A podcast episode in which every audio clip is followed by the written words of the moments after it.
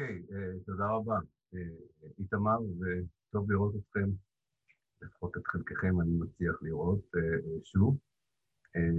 אחרי הפסקה ארוכה, פשוט האוניברסיטה שלי חזרה לתפקד, אומנם עדיין אונליין, בזום, אבל חזרה לתפקד יותר באופן מלא, ולכן היה קשה למצוא ימי חמישי פנויים. המצב הולך ומשתפר, משום שבשבוע הבא זה השבוע האחרון של הלימודים אצלנו אה, באנגליה.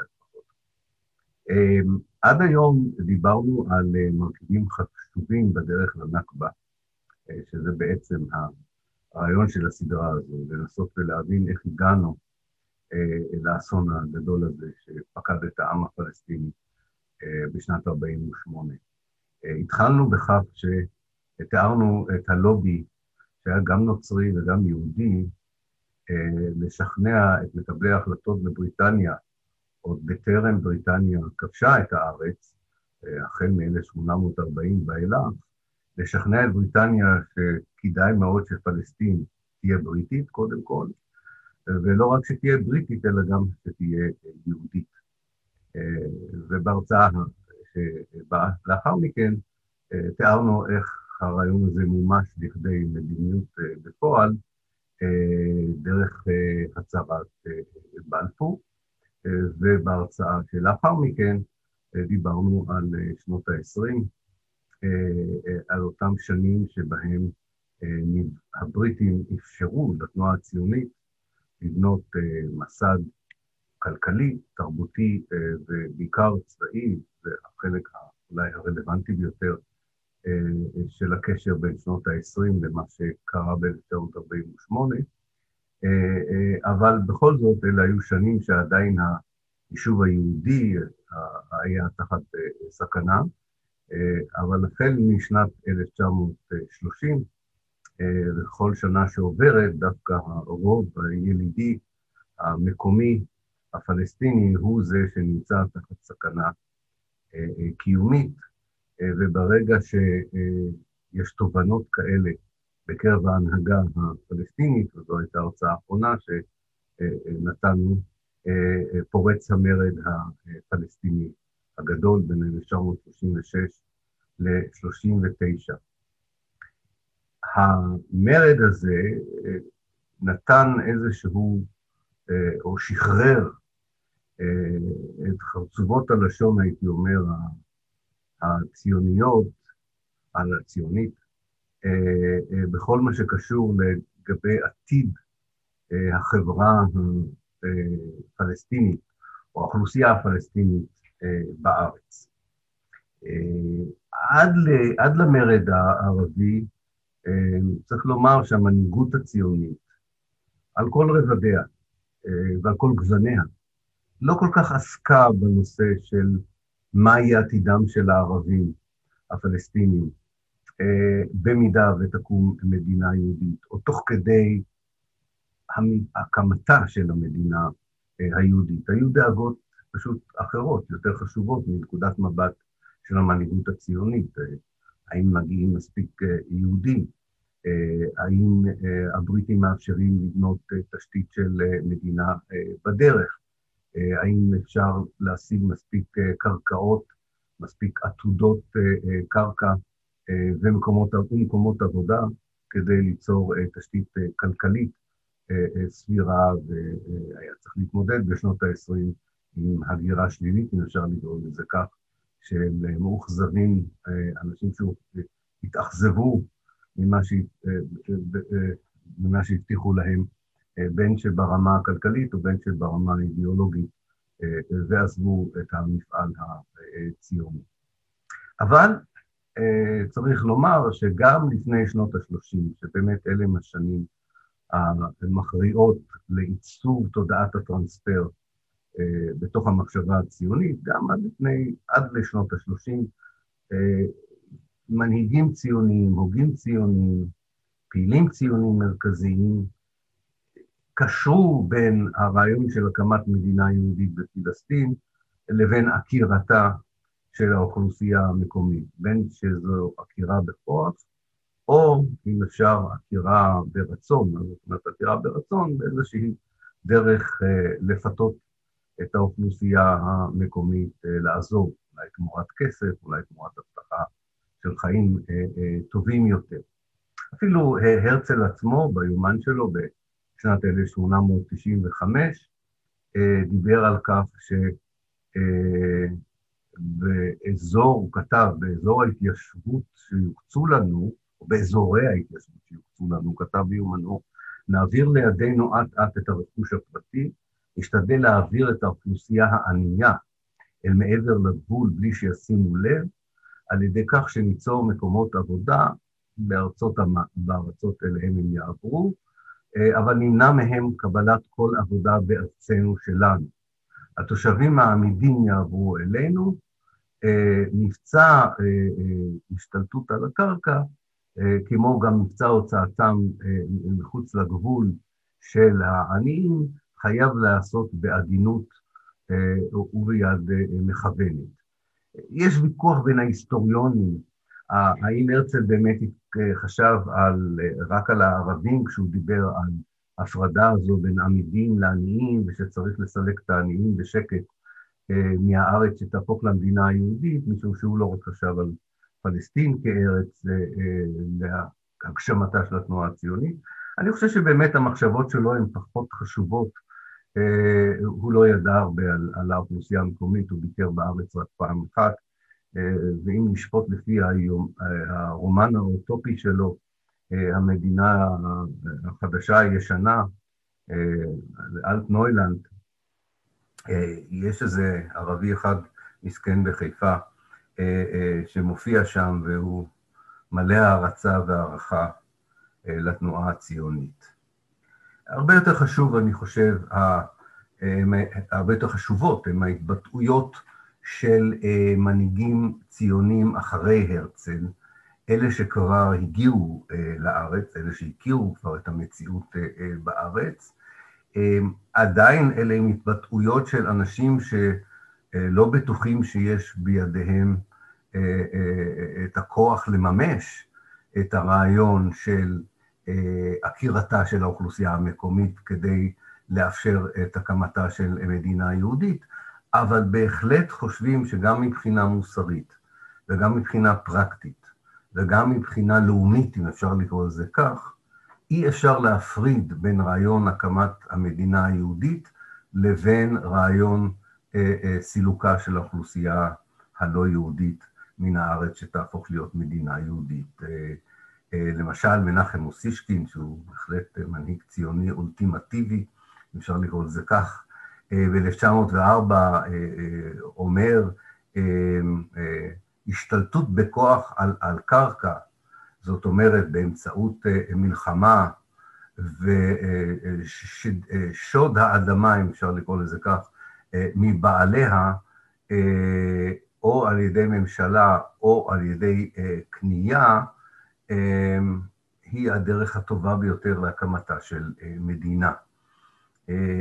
ב-1930, הרבה שנים לאחר מכן, 26 שנה לאחר מכן, אה, הוא אה, דיבר אל, אה, לעיתונאים בירושלים ב-1930, והוא אמר, אנחנו צריכים להמשיך, בקרב עיתונאים ציונים בעיקר, הוא אמר, אנחנו צריכים להמשיך ולדרוש שהאדמה הזו, המולדת הזו, תחזור לשליטתנו, ואם על המולדת הזו נמצאת אוכלוסייה אה, אה, אחרת, או תושבים, הוא אמר, הוא דיבר באנגלית, זה ה-inhabitants, אמר, אם נמצאים שם תושבים אה, אחרים, זאת אומרת, לא יהודים, יש צורך להעביר אותם למקום אחר. They must be transferred to some other place, באנגלית. הוא אמר, אנחנו צריכים לקחת את הקרקע כולה ולשים אותה תחת שליטתנו, לנו יש מטרה גדולה ונאצלה יותר אה, אה, מאשר אה, לשמור על זכויותיהם של מאות אלפי ערבים שברובם הם פלאחים, הוא אמר לעיתונאים הציונים, וזה ב-1930. אותו אוסישקין, ושוב, אני רוצה להזכיר לנו שהוא אישיות מאוד חשובה ומרכזית בקבלת ההחלטות של התנועה הציונית, ב-1936 הוא אומר, אנחנו יכולים היום בעצם אפילו לדרוש שעבר הירדן יהיה חלק מארץ ישראל, בתנאי שנוכל ליישב יהודים שם, או למען יישוב מחדש של הערבים שחיים בגדה המערבית של עבר הירדן. אני לא אתכוון לגדה המערבית של היום, אלא כל האזור שמערבית לנהר הירדן, זאת אומרת, ישראל של היום, יחד עם הגדה המערבית ורצועת עזה. והוא המשיך ואמר, רעיון שכזה, שבו אנחנו נשתלט על עבר הירדן כדי ליישב בו גם יהודים וגם ליישב בו את הערבים שחיים בצד המערבי של נהר הירדן, הוא אמר, זה רעיון ששום אדם מוסרי לא יכול להתנגד אליו, משום ש... והוא הסביר מדוע, הוא אמר, עבור הערבים, הוא התכוון לפלסטינים, כן? עבור הערבים, הגליל ועבר הירדן זה אותו דבר. שניהם מחוזות אה, אה, אה, שבהם הם יכולים לחיות, אה, ולכן זו לא תהיה בעיה גדולה ליישב אותם אה, אה, בעבר הירדן. אה, אה, ואין לנו ברירה אלא לדרוש זאת מהם, משום שהם לא מוכנים שאנחנו נהיה השליטים שלהם. אה, והוא הסביר באותו נאום, ב-1936, הוא אמר, אני אלחם בשביל זה. זאת אומרת, אני אלחם בשביל הרעיון שאנחנו נעביר את הפלסטינים, אני עכשיו מוסיף את המילה שלי, הוא לא השתמש במילה פלסטינים, הוא השתמש במילה ערבים, אני אלחם לשם כך שאנחנו, נע... ש... למען הרעיון של העברת הערבים מארץ ישראל המערבית אל עבר הירדן, על מנת שאנחנו נוכל להיות הבעליה הבלעדיים של הארץ, וזאת משום שהארץ הזאת שייכת לנו. אני נשאר עוד רגע אחד עם אוסישקין, ואני מזכיר לכם שאנחנו עכשיו נכנסים ל-1936, 1937, אלה הם השנים שבהם מתגבשת ההחלטה שאפשר כבר לדבר בצורה גלויה, לפחות לקהל ציוני, אם לא לקהל חיצוני, על הקשר שבין הקמת המדינה לבין הצורך להעביר את הערבים מן הארץ, בגלל פרוץ המרד. אוסישקין כותב ואומר, נולדה עכשיו גם הזדמנות חדשה, משום שגם הבריטים מבינים, מה שאולי הם לא הבינו קודם לכן, שאי אפשר יהיה להקים מדינה יהודית על כל ארץ ישראל, או על חלק מארץ ישראל, מבלי להעביר את הערבים מאותו חלק שיהפוך למדינה היהודית. ובכך הוא צדק באופן זמני, אפשר לקרוא לזה, או באופן חלקי הוא צדק. אנחנו הזכרנו את, את המאמצים הבריטים לפתור את הסכסוך בארץ אחרי פרוץ המרד הערבי, המרד הערבי פרץ באפריל 1936, כזכור לכם מההרצאה האחרונה שהייתה לפני הרבה זמן. ודי מהר אחרי פרוץ המרד, הבריטים שלחו לפה ועדת חקירה, שהזכרנו אותה, ועדת פיל, שחיפשה דרך ליישב את הסכסוך ובעיקר להביא לסיומו של המרד, שהבריטים מאוד מאוד התקשו לדכא עם הכוחות שהיו להם בארץ, בסופו של דבר הם יצטרכו להביא כוחות ממצרים והודו כדי לדכא את המרד הערבי, וזה ייקח להם שלוש שנים. אבל אז באותו זמן שרק המרד פרץ, הם היו עדיין אופטימיים, שיש להם אפשרות להביא לסיומו של המרד באמצעות מהלך דיפלומטי, ואלה מכם שוודאי מכירים טוב את ההיסטוריה, זוכרים שוועדת פיל הציעה להקים מדינה יהודית על חלק קטן של הארץ, בערך שליש מהארץ, והוסיפה שייתכן שזה רעיון טוב, שמאותו שליש שיהפוך להיות מדינה יהודית, לא ממש מדינה יהודית הם הציעו, הם הציעו איזושהי מדינת חסות יהודית תחת שלטון בריטי, שמתוך אותו חלק הערבים יועברו, או הפלסטינים, אנחנו נקרא להם, יועברו לחלקים אחרים של הארץ או מחוצה לארץ. ולכן, כשאוסישקין אומר, אנחנו כבר לא צריכים לחשוש לדבר על העניין הזה, זאת אומרת, על הקשר שבין הקמת מדינה יהודית לסילוקה של האוכלוסייה הערבית, כי גם הבריטים מבינים את זה, הוא צודק לפחות לגבי השנים 36, 7 ו-8, כאשר הבריטים באמת מדברים על האפשרות שאולי אפשר לשכנע את הערבים, לא מדברים על העברה בכוח, אם אפשר לשכנע אולי את הערבים שמהחלק שיהפוך למדינה היהודית, שיהיה רק חלק קטן מהארץ, אה, אה, הם יסכימו לעבור לחלקים אחרים של הארץ או אה, אל מחוץ לארץ. זו הייתה הבנה חלקית של העמדה הבריטית. א', בגלל, כפי שאמרתי, הבריטים איכשהו קיוו שזה יהיה איזשהו הסדר שיהיה מקובל על הערבים, על הפלסטינים, מה שכמובן לא היה לזה שום סיכוי.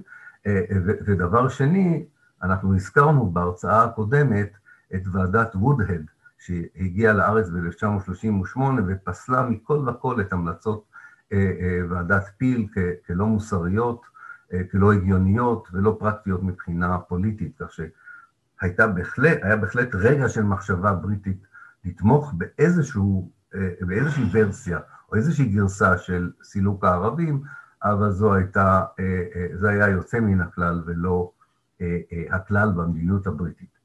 בכל מקרה, בעקבות מנחם מוסישקין, כמו גם בן גוריון, ועוד נדבר על כך, וגם מנהיגים ציונים אחרים, זה לא כל כך עניין אותם, אם זו מחשבה רגעית או חולפת בריטית, או שזה רק איזושהי הצעה מאוד טנטטיבית בריטית. הם החליטו שזה בעצם גושפנקה בינלאומית לדבר באופן גלוי על משהו שאולי חלק מהם חשבו עד לוועדת פיל שאולי לא ראוי אה, אה, לומר אותו בקול רם וברור אה, בגלל הבעיות אה, המוסריות שקשורות לרעיון של סילוק האוכלוסייה. ואוסישקין אומר, בעקבות ועדת פיל, הוא אומר ככה, איננו יכולים להתחיל להקים מדינה יהודית אם מחצית, אם אפילו מחצית מאוכלוסייתה תהיה ערבית. מדינה שכזו לא תחזיק מעמד, הוא אומר, אפילו חצי שעה. ולפחות אנחנו צריכים להעביר מהשטח שהבריטים מציעים לנו 60 אלף משפחות, לא אנשים, 60 אלף משפחות ערביים, ואני רוצה לומר לכם, הוא אומר, הוא אמר לוועידה הציונית שבה הוא דיבר, זה יהיה מעשה מוסרי ביותר, אה, אה, ואני מוכן להגן על המעשה הזה אפילו בפני האלוהים. אה, זאת אומרת, גם אני כאדם ציוני, גם אני כאדם יהודי, גם אני כאדם מוסרי, חושב שלסלק 60 אלף משפחות אה, פלסטיניות מהשטח אה, שצריכה להקים בו מדינה יהודית, זהו אקט אה, מוסרי שאין איתו שום בעיה. ואני אסיים עם אוסישקין לפני שאני אעבור לאחרים, שהוא אומר ככה, במקום אחר, הוא אומר, אנחנו לא יכולים להקים מדינה יהודית אה, עם אוכלוסייה אה, אה, ערבית, אפילו אוכלוסייה ערבית קטנה, ולהצטמצם לשטח קטן סביב תל אביב. הוא, ואז הוא מונה כל מיני אחוזים, הוא פחות או יותר אומר, מדינה יהודית עתידית חייבת לקום על 75 אחוז אה, אה, מהשטח של, של הארץ, אה, והיא צריכה להיות נקייה מערבים. אפילו מיעוט קטן, הוא אומר, יכול לערער את החיים הפרלמנטריים במדינה היהודית. ולכן אני חושב ש... אה, אנחנו צריכים להודיע לבריטים שאנחנו מוכנים לדון על השטח שהבריטים מוכנים לתת לנו למדינה יהודית אה, עתידית, רק אם השטח הזה יבוא עם הבטחה בריטית לעזור לנו לסלק את האוכלוסייה, או להעביר, הוא לא אומר לסלק, הוא אומר להעביר את האוכלוסייה הערבית אה, אל מחוץ לשטח הזה. ב-1938 המנהיגות הציונית לומדת, בעקבות ועדת וודהד, שהבריטים יורדים מהרעיון שיש קשר או יש זיקה ישירה בין תמיכתם, והבריטים תמכו, ברעיון של מדינה יהודית על חלק מאדמתה של פלסטין, לבין רעיון הטרנספר. הבריטים יורדים מזה, באופן טוטאלי. אבל המנהיגות הציונית עדיין נמצאת באינרציה שהנה אפילו הבריטים חושבים שיש איזשהו היגיון בזה, גם אם הבריטים חזרו בהם.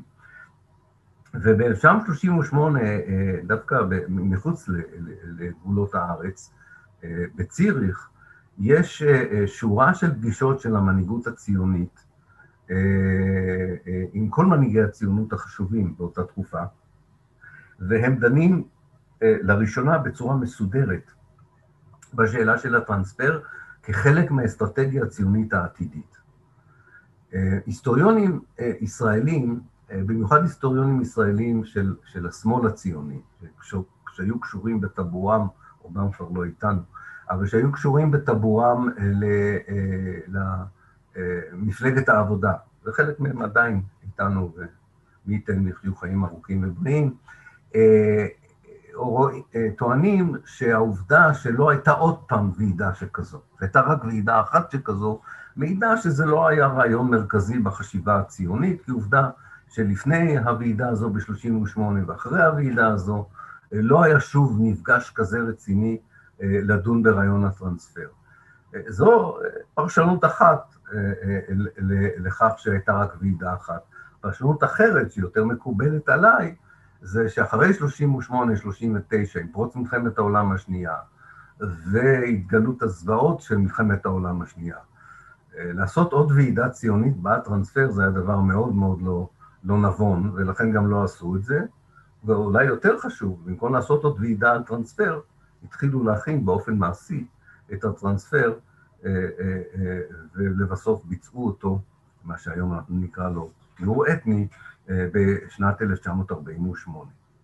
בוועידה הזו יש כמה התבטאויות מאוד מעניינות, למשל ברל כצנלסון אומר באותה ועידה, עניין העברת האוכלוסין אצלנו עורר ויכוח, מותר או אסור.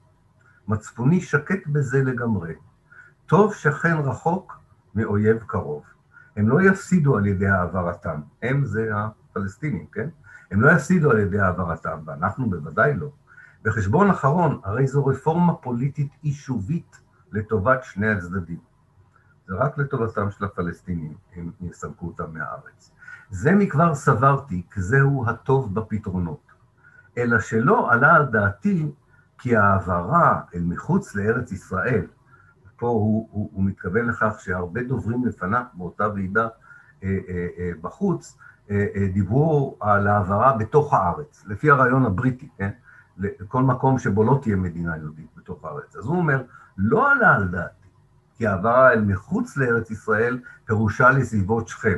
זאת אומרת, אם המדינה היהודית תקום רק במה שישראל היום, אז להעביר אותם למה שהיום הגדה המערבית, זה לדעתו לא פתרון טוב.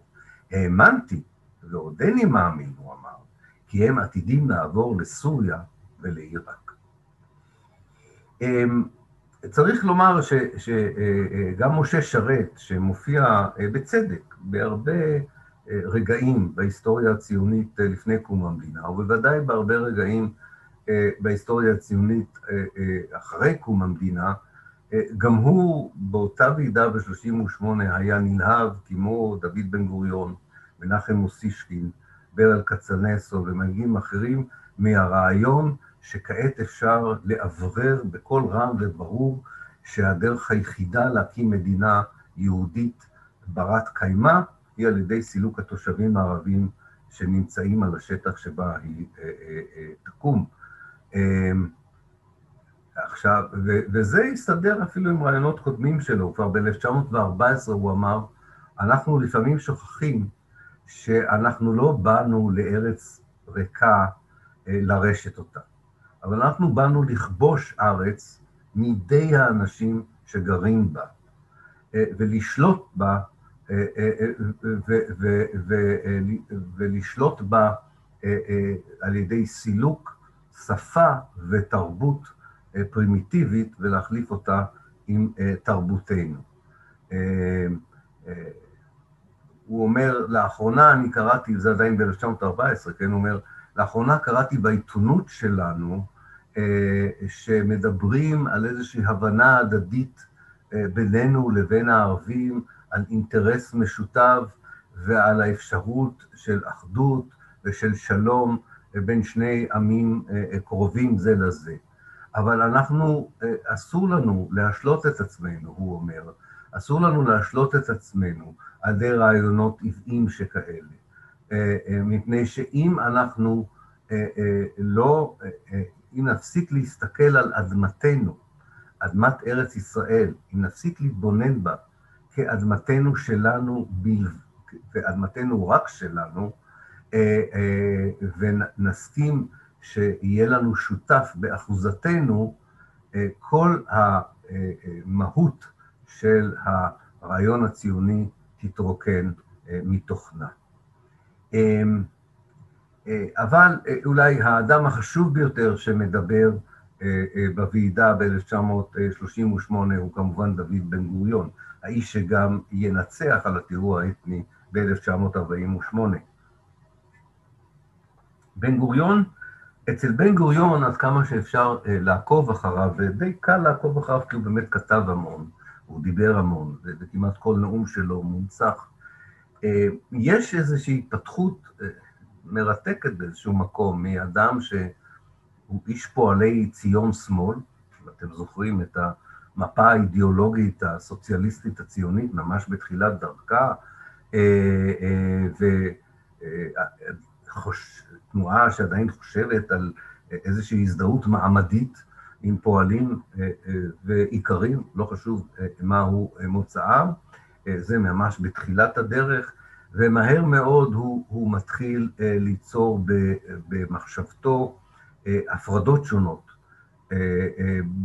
בתוך האוכלוסייה המקומית, וגם גורל שונה לכל אחד מאותם חלקים שהוא מאבחן בתוך האוכלוסייה הציונית. ויש לו שותף לתרגיל האינטלקטואלי הזה, יצחק בן צבי, הנשיא השני של מדינת ישראל. ושניהם קודם כל מפרידים בין העיר הפלסטינית לכפר הפלסטיני. מוקדם מאוד במחשבתו הוא רצה לסלק את האוכלוסייה העירונית הפלסטינית. הוא ראה בה אוכלוסייה עוינת, הוא העדיף להתעסק עם, ה, עם, ה, עם העיקרים ולא עם, ה, עם, עם הערים. העיר שהוא שנא יותר מכל, והיא הייתה בשבילו, אני חושב, מודל כדי להסביר לחבריו בהנהגה הציונית את מה שמשה שרת אמר קודם. לא באנו לארץ ריקה לרשת אותה, אלא באנו לכבוש ארץ מידי תושביה. הוא בחר להראות את זה דרך מקרה חקר אחד של, של עיר שהוא גם ינצח על הריסתה המוחלטת ב-1948, העיר באמת אולי החשובה ביותר מבחינה תרבותית בתקופה המנדטורית, יפו, העיר המשגשגת ביותר הפלסטינית. וככה הוא כותב ב-1936, החורבן של יפו, העיר והנמל, בו יבוא, וטוב שיבוא. עיר זו שהשמינה מהעלייה וההתיישבות היהודית, ראוי לה להיחרב, כשהיא מניפה גרזן על ראש בוניה ומפרנסיה. אם יפו תרד שאולה, לא אשתתף בצערה. כך הוא אמר ב-11 ליולי 1936. הוא קשר, כדי להסביר, שוב, לסבר את האוזן לחבריו בהנהגה, הוא אמר, אתם לא יכולים לדבר על הקמת נמל בתל אביב. אתם אפילו לא יכולים לדבר על הקמת תל אביב מבלי להחריב את יפו. כן? אין, אין בסיס, הוא אמר, להקמת עיר עברית, אם בעצם לא מחסלים את העיר הערבית שהיא באה לרשת.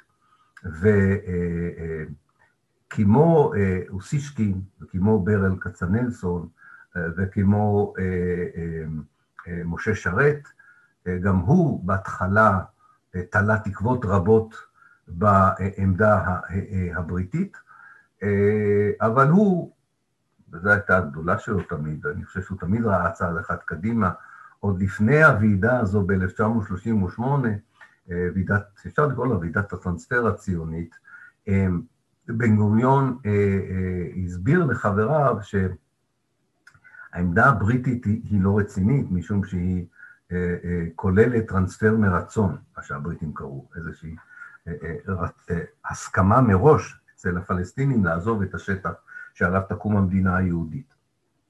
הוא אמר, אין כזה דבר, טרנספר מרצון, יש רק טרנספר כפוי, הוא קרא לזה בעברית, טרנספר כפוי. אה, אה, אה, והוא אמר, אנחנו צריכים להגיד לוועדת פיל, שטרנספר כפוי של הערבים, זאת אומרת הפלסטינים, לפחות מן העמקים של המדינה היהודית העתידית, יכול לתת לנו מה שלא היה לנו עוד מימי בית ראשון ובית שני. זה ייתן לנו אפשרות שלא חשבנו אפילו לחלום עליה בחלומותינו הפרועים ביותר. זה הרבה יותר ממדינה, אה, ממשלה או ריבונות. זוהי אה, אה, אה, הוכחה סופית לריבונות הלאומית שלנו על, כעם חופשי על מולדתו.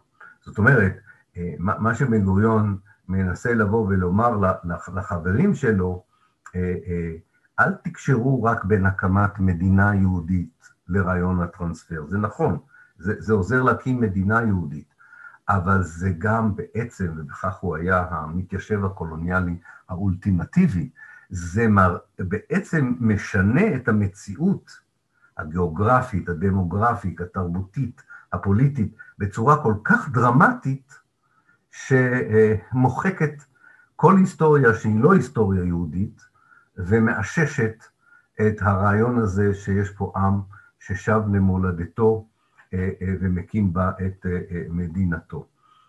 וכאמור, שוב, תזכרו, פה לא מדובר בשוליים של המנהיגות הציונית, לא מדובר פה באנשים חריגים, זה לב-ליבה של ההנהגה הציונית הסוציאליסטית, שאורי מילשטיין, אני חושב בצדק, אומר שב-1936 היא הפכה להיות ציונות כוחנית, אולי הרבה יותר אפילו מהציונות של ז'בוטינסקי והימין הציוני.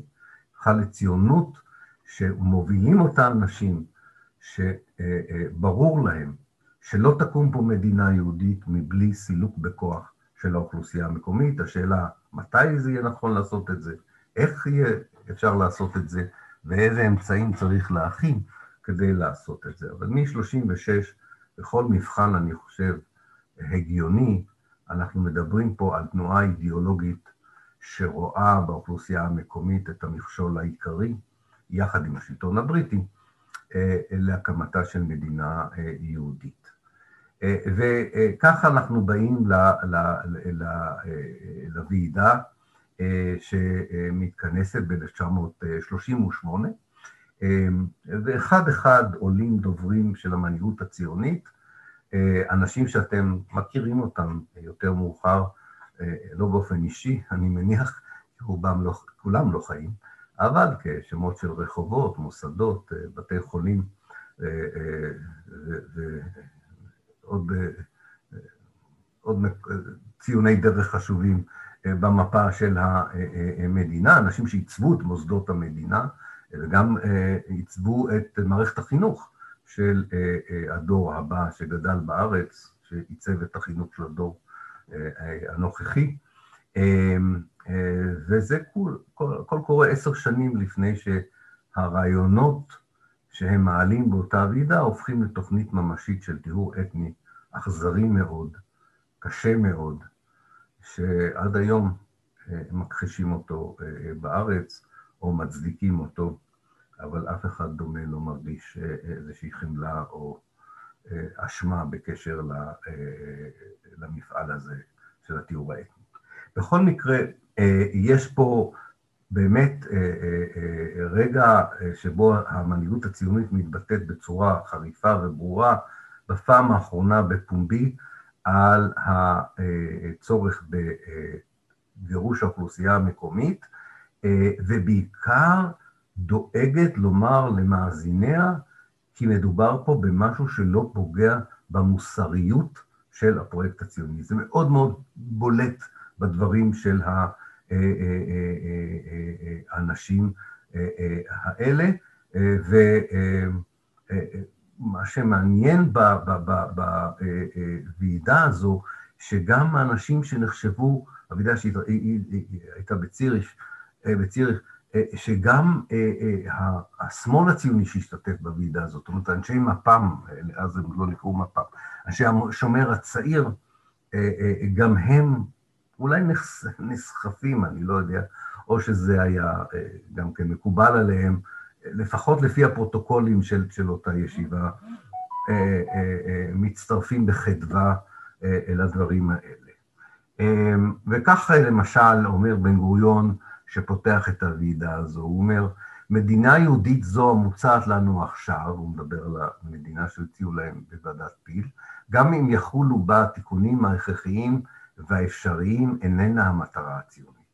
בשטח הזה, השטח שהבריטים מציעים אותו, אין אפשרות לפתור את הבעיה היהודית. אולם היא עלולה, אז השתמשו במילה עלולה באופן חיובי. עלולה זה יכולה להיות, כן? לא, לא לרע אלא לטוב. אולם היא עלולה לשמש שלב מכריע בדרך להגשמה הציונית הגדולה. היא תקים בארץ את הכוח היהודי שיביא אותנו למחוז חפצנו ההיסטורי.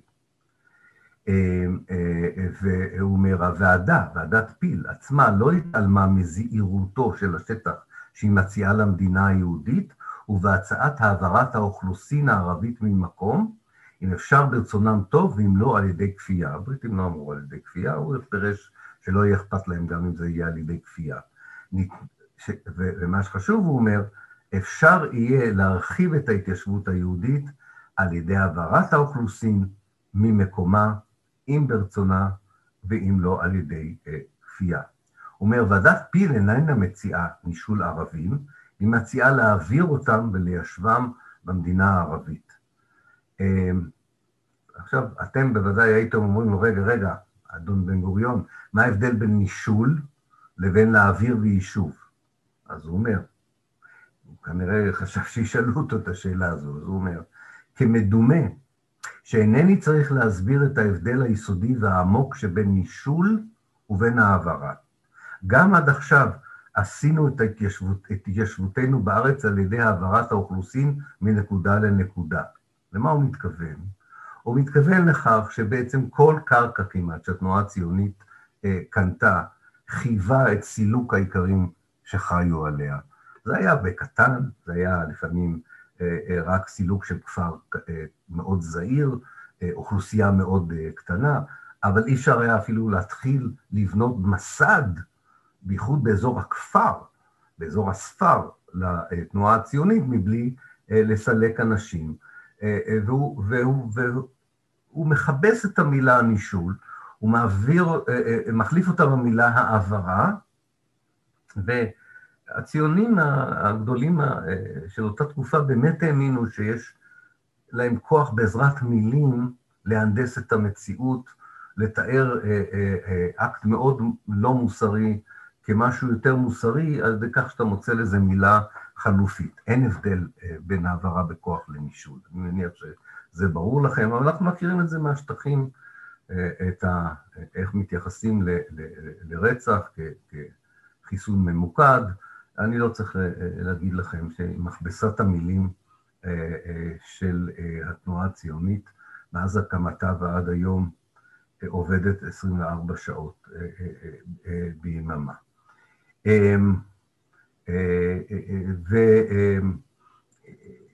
וה... דברים שלא אה, אה, אה, מקבלים הד, גם למשל אצל אנשים שהיו שמאלה אלו, מבחינה לפחות של האידיאולוגיה החברתית, שאומרים למשל, אומר איש אחדות העבודה באותה מועצה, הוא אומר, ואשר להעברה הכפויה, כבר מאמצים את הנוסח הזה של בן גוריון, העברה כפויה, זה לא נישול, זה העברה כפויה. בתור חבר לרמת הכובש, אומר איש רמת הכובש, הייתי שמח מאוד לו היה אפשר להשתחרר מהשכנות הנעימה של אנשי כפר מיסקי, טירה וקלקיליה. הלוואי והייתי חקיין טוב. אני, אני שומע את הצליל של הקיבוצניק של אחדות העבודה. אני, אני, אני מכיר את, המנגינה, אני יכול לשיר את זה אפילו, כן? הוא אפילו חושב שהוא משעשע כשהוא אומר, הייתי שמח מאוד, לא הייתי יכול להשתחרר מהשכנות הנעימה, כן? של אנשי כפר מיסקה, טירה וקלקיליה. ובכן הישנה תקווה, הוא ממשיך ואומר, שהערבים יסכימו לכך מרצונם הם, איזה חשבון פוליטי, כלכלי, לאומי יחייב אותם לעבור לעבר הירדן אה, העני ולעזוב שטח קרקע פורה ומפותח של מדינת היהודים. הדוגמה שמביאים לנו מהעברת תושבים שהייתה ביוון ובטורקיה, אתם זוכרים אולי שבאמת אחד הטיעונים הציוניים היה שגם בטורקיה ויוון לאחר מלחמת העולם הראשונה הייתה החלפת אוכלוסין, ופה מדובר בהחלפת אוכלוסין, יהודים באים מאירופה, ערבים עוברים לארצות ערב, אין בזה משהו חדש. אז הוא אומר, הדוגמה שמביאים לנו מהעברת תושבים שהייתה ביוון ובטורקיה, אין לה כאן השוואה כאן, אין לה כל השוואה כאן. כי אז עמדו הן בפני הכרח לעזוב את הארץ, אחרת ישחטו אותם והם הסכימו להעברה. האיש הזה, אגב, זה יוסף בן אוקובר, אה, אה, חבר אה, קיבוץ רמת השופט. גם ישראל קפלן, שלימים יהיה שר האוצר הראשון של מדינת ישראל, בעצם חוזר, אני לא, לא אתן את הציטוט, הוא חוזר כמעט מילה במילה על מה שבן בן, בן קובר אומר. ניתן אולי עוד ציטוט של עוד אחד מהדוברים ממנהיגי מפא"י, אז הוא אומר, התביעה לערבים שיזוזו ויפנו לנו את המקום, כי להם די מקום לאן לזוז, ולנו אין כל מקום וכל פינה בעולם כולו שנוכל לשבת בו לבטח, התביעה הזאת, כשהיא לעצמה צודקת מאוד ומוסרית מאוד. אבל במצב זה אין ביכולתנו להעמיד אותה בפני העולם הפוליטי כתביעה רצינית, ובעל כורחנו עלינו להשלים עם החלוקה. יחד עם זה, נשאיר לעצמנו אפשרות של מלחמה על שאר זכויותינו בארץ ועל זכותנו הטבעית וללחום על כל שטח פנוי בארץ ובסביבתה. עכשיו, עם השינוי בסטטוס הפוליטי של הארץ, ממשיך אותו אדם בשם לביא, יש מקום לחדש את תביעתנו על עבר הירדן, או יותר נכון על העמק שמשני צידי הירדן, מפני שהשטח הנופל בחלקנו אחרי החלוקה אינו מספיק לנו, והשטחים שבעמקי הירדן עומדים אה, שוממים. אה, זאת אומרת, במילים אחרות, ככל שיהיה לנו יותר כוח צבאי, נשתלט על יותר כוח, והחלוקה תתרחב, ובכל מקרה, קשר ישיר ומוחלט בין כל שטח שאתה משתלט עליו לסילוק האוכלוסייה הערבית שנמצאת בה. אני אתן אולי עוד, אה, איזה עוד סוציאליסטי, לאחר המדינה היה שר החקלאות הראשון של מדינת ישראל, והוא אומר, אינני שולל את זכותנו המוסרית להצעת חילופי אוכלוסין. אין כל פגם מוסרי בהצעה. שימו לב כמה פעמים חשוב להם לעצמם להגיד שאין שום בעיה מוסרית בדיון הזה, או בהצעה הזאת. אין כל פגם מוסרי בהצעה שתתכוון לרכז התפתחות חיים לאומיים. נהפוך הוא, זה יכול להיות ועלול להיות במשטר עולם חדש חיזיון אנושי כביר. מתקבלת יותר על הדעת כמציאותית האפשרות לחילופי אוכלוסין ממש, בין ארץ ישראל אחידה בעתיד מסוים לבין עיראק וארצות ערב אחרות, דרך העברת יהודיהם לארץ ישראל. ואם גם רחוק חזון זה, אמר אהרון צידזלין, שהוא האיש שאני מדבר עליו, אה, אולם הוא מצטרף לאינטרס היכול לעלות בקנה אחד משותף לגמרי. מה שה... השומר הצעיר עשה, הוא התחיל כבר לפתח איזו תזה שבעצם גם הערבים בארץ ובעולם הערבי, גם הם התלהבו בסופו של דבר מן הרעיון הזה. אלוהים יודע מאיפה הם אה, אה, אה, המציאו את הדברים האלה, אבל אני פה באמת המום מ... מ הייתי אומר, 90 אחוז מהדברת שהייתה בוועידה הזו, 90 אחוז מהדברת, שהייתה בוועידה הזו לא הייתה על האסטרטגיה, איך עושים את זה, איך בדיוק זה יקרה, מתי זה יקרה, מה צריך אה, אה, שיהיה לנו כדי שזה יקרה. 90 אחוז מהדברת זה על המוסריות והאנושיות של העניין הזה. והנה אה, מה שאומר אדון לולו באותה תקופה, באותה ישיבה, ההעברה הזו, גם אם תיעשה מתוך כפייה, כל המפעלים המוסריים בעולם נעשו מתוך כפייה. לא יודע באיזה בית ספר הוא למד. אה, נצדק בכל המובנים, ואם נשלול כל זכות של טרנספר, היינו צריכים לשלול את כל מה שעשינו עד עכשיו. הטרנספר מעמק חפר לעמק בית שאן, זה ואדי חוואריס, ששם הציונות צילקה כבר בשנות, ב-1926, 3,000 אה, אה, פלאחים פלסטינים מכפריהם, אז הוא אומר, הטרנספר מעמק חפר, מעמק חפר עד לעמק בית שאן, מהשרון להרי אפרים וכולי, כל זה היינו צריכים לשלול אם אנחנו לא מאמינים בטרנספר. כבר עשינו טרנספר במידה רבה, הוא אומר. אמרו כאן שהטרנספר הוא פרובוקציה פוליטית. אין בזה שום פרובוקציה. זוהי תוכנית צודקת והגיונית, מוסרית ואנושית בכל המובנים. זה מהשמאל של התנועה הציונית. אה, אה, והנה גולדה מאיר, אז הייתה עדיין אה, מאירסון, מה היא אומרת באותה ועידה? שאלת הטרנספר באונס, גם אותה, כן, שימו לב, זה כבר הופך לנישול, להעברה בכוח, כעת זה מגיע לטרנספר באונס. גם אותה יכולים לפרש אחרת מאשר עושה בן גוריון. הנוכל לחשוב לרגע קט שבלי הסכמת הערבים תבוא אנגליה פתאום, אחרי הניסיון המר שהיה לנו איתה, ותעשה משהו העלול להקנית את כל העולם המוסלמי, מתוך דאגה לנו? הייתי מסכימה שהערבים יעזבו את הארץ, ומצפוני יהיה נקי בהחלט. אבל ישנה אפשרות לכך? ובן גוריון עונה לה, יש גם יש. אה, אה, ואולי אה, נסיים לפחות לגבי התקופה הזו במה שאומר ברל כצנלסון בסיום. הוא, התבקש לסיים את כל הדיון הזה. ואני חוזר, נדמה לי שזה כבר ציטטתי את זה קודם, אבל יש לו, הוא חוזר על זה פעמיים, ואני חושב, ובזה אני אסיים לפחות את הציטוטים האלה. הוא אומר ככה, עניין העברת האוכלוסין מעורר אצלנו ויכוח. הוא אומר, היה ברור שהיו גם כאלה שהתנגדו לעניין הזה. אגב, הם לא התנגדו לטרנספר, הם התנגדו להודיע על התמיכה של התנועה הציונית ברעיון הטרנספר.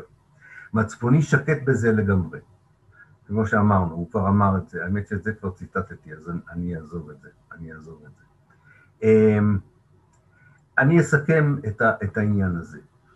אנחנו מגיעים ל-1938, שבה המוסדות המנהיגות הציונית, לרגע אחד, וזה נכון, זה לא חוזר על עצמו, מנסים באופן מסודר לנהל דיון.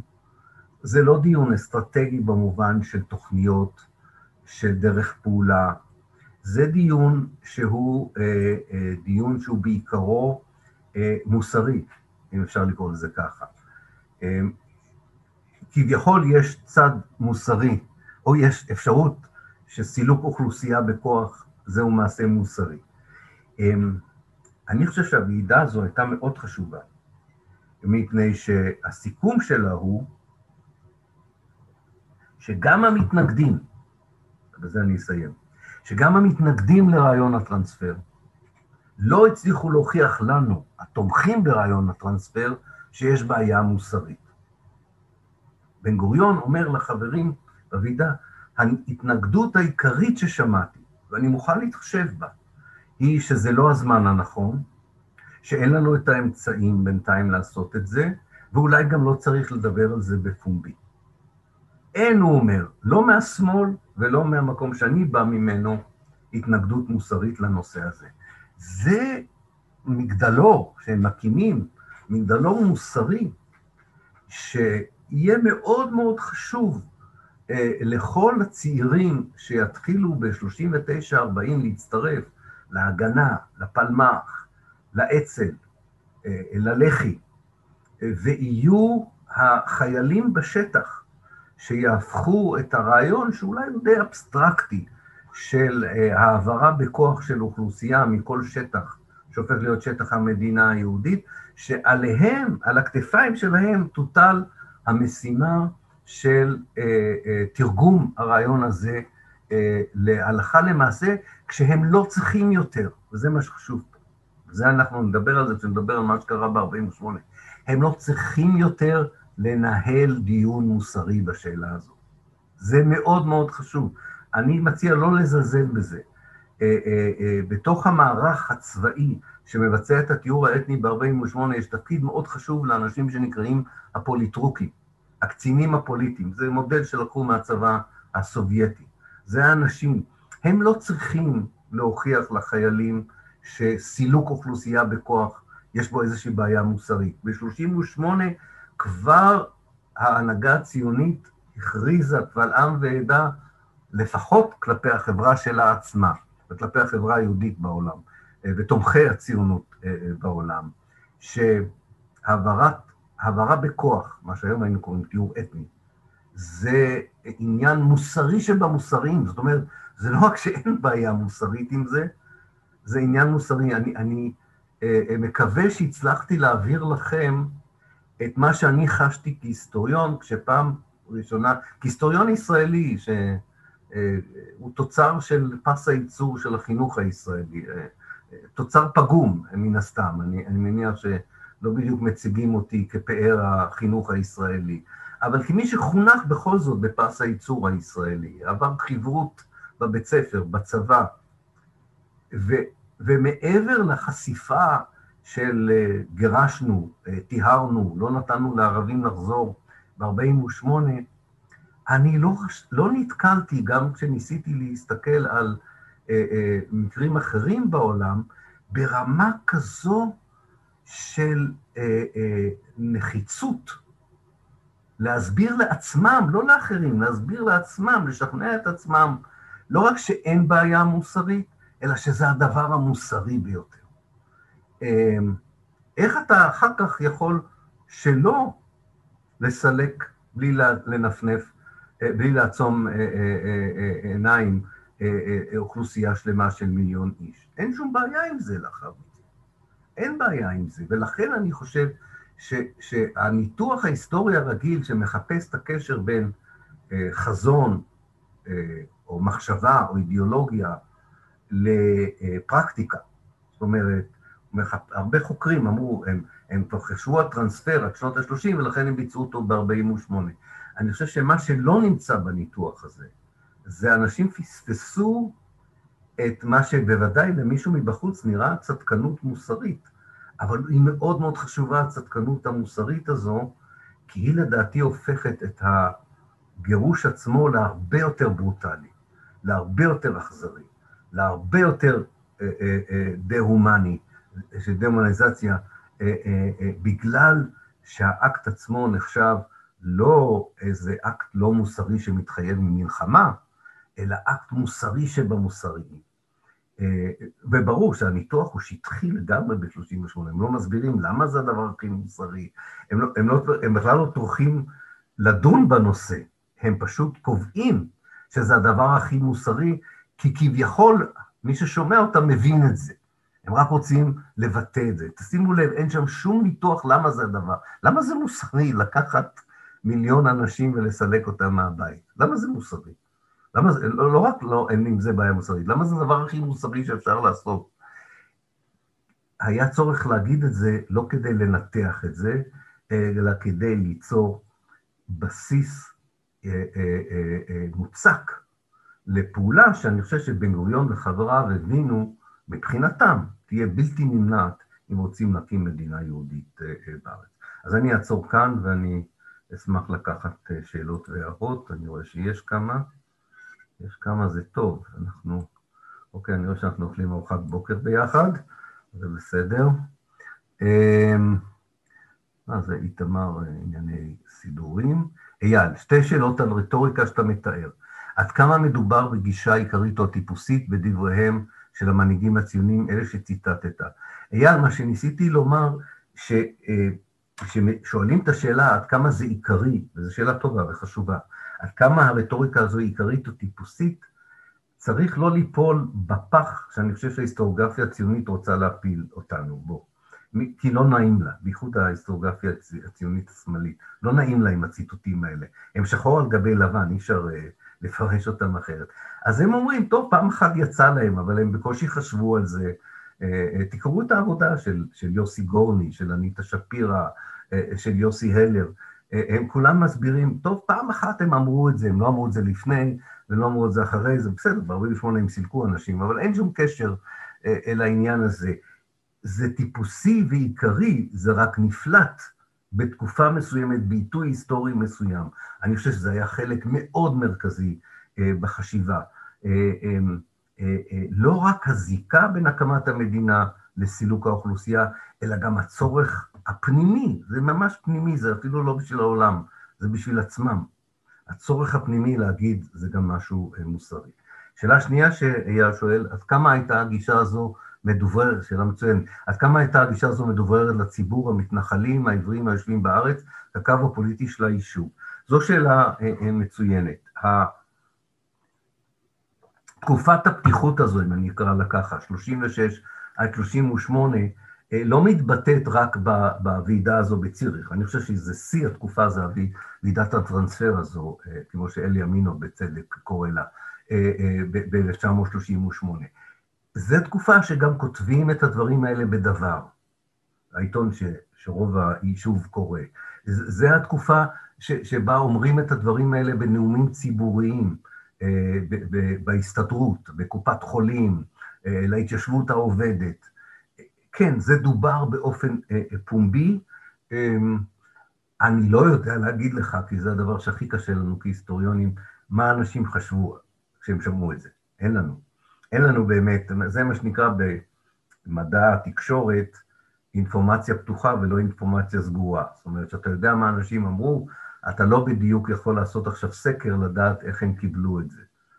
אני מנחש, ואני מקווה שאף אחד לא יכעס עליי, שלרוב השומעים בחברה היהודית הדברים האלה לא צרמו.